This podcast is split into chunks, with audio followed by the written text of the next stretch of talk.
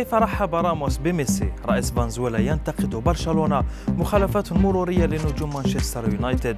إليكم أبرز أخبار الرياضة في الساعات الأربع والعشرين الماضية في دقيقتين على العربية بودكاست. بعد رحيل ميسي إلى باريس سان جيرمان الجميع انتظر أول ردة فعل من زميله الجديد وقائد ريال مدريد السابق سيرجيو راموس خاصة وأن العلاقة بين اللاعبين لم تكن ودودة على الإطلاق.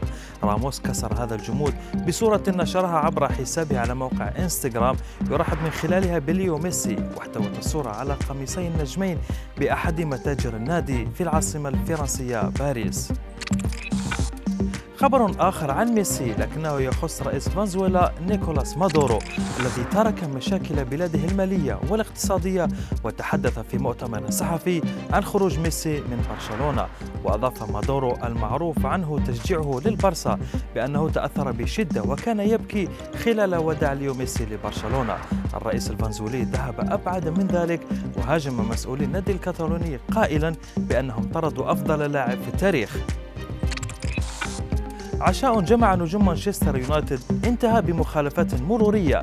دي خيا حارس الفريق تم حجز سيارته من نوع أستون مارتن لعدم تسديده الضريبة الخاصة بالمركبة.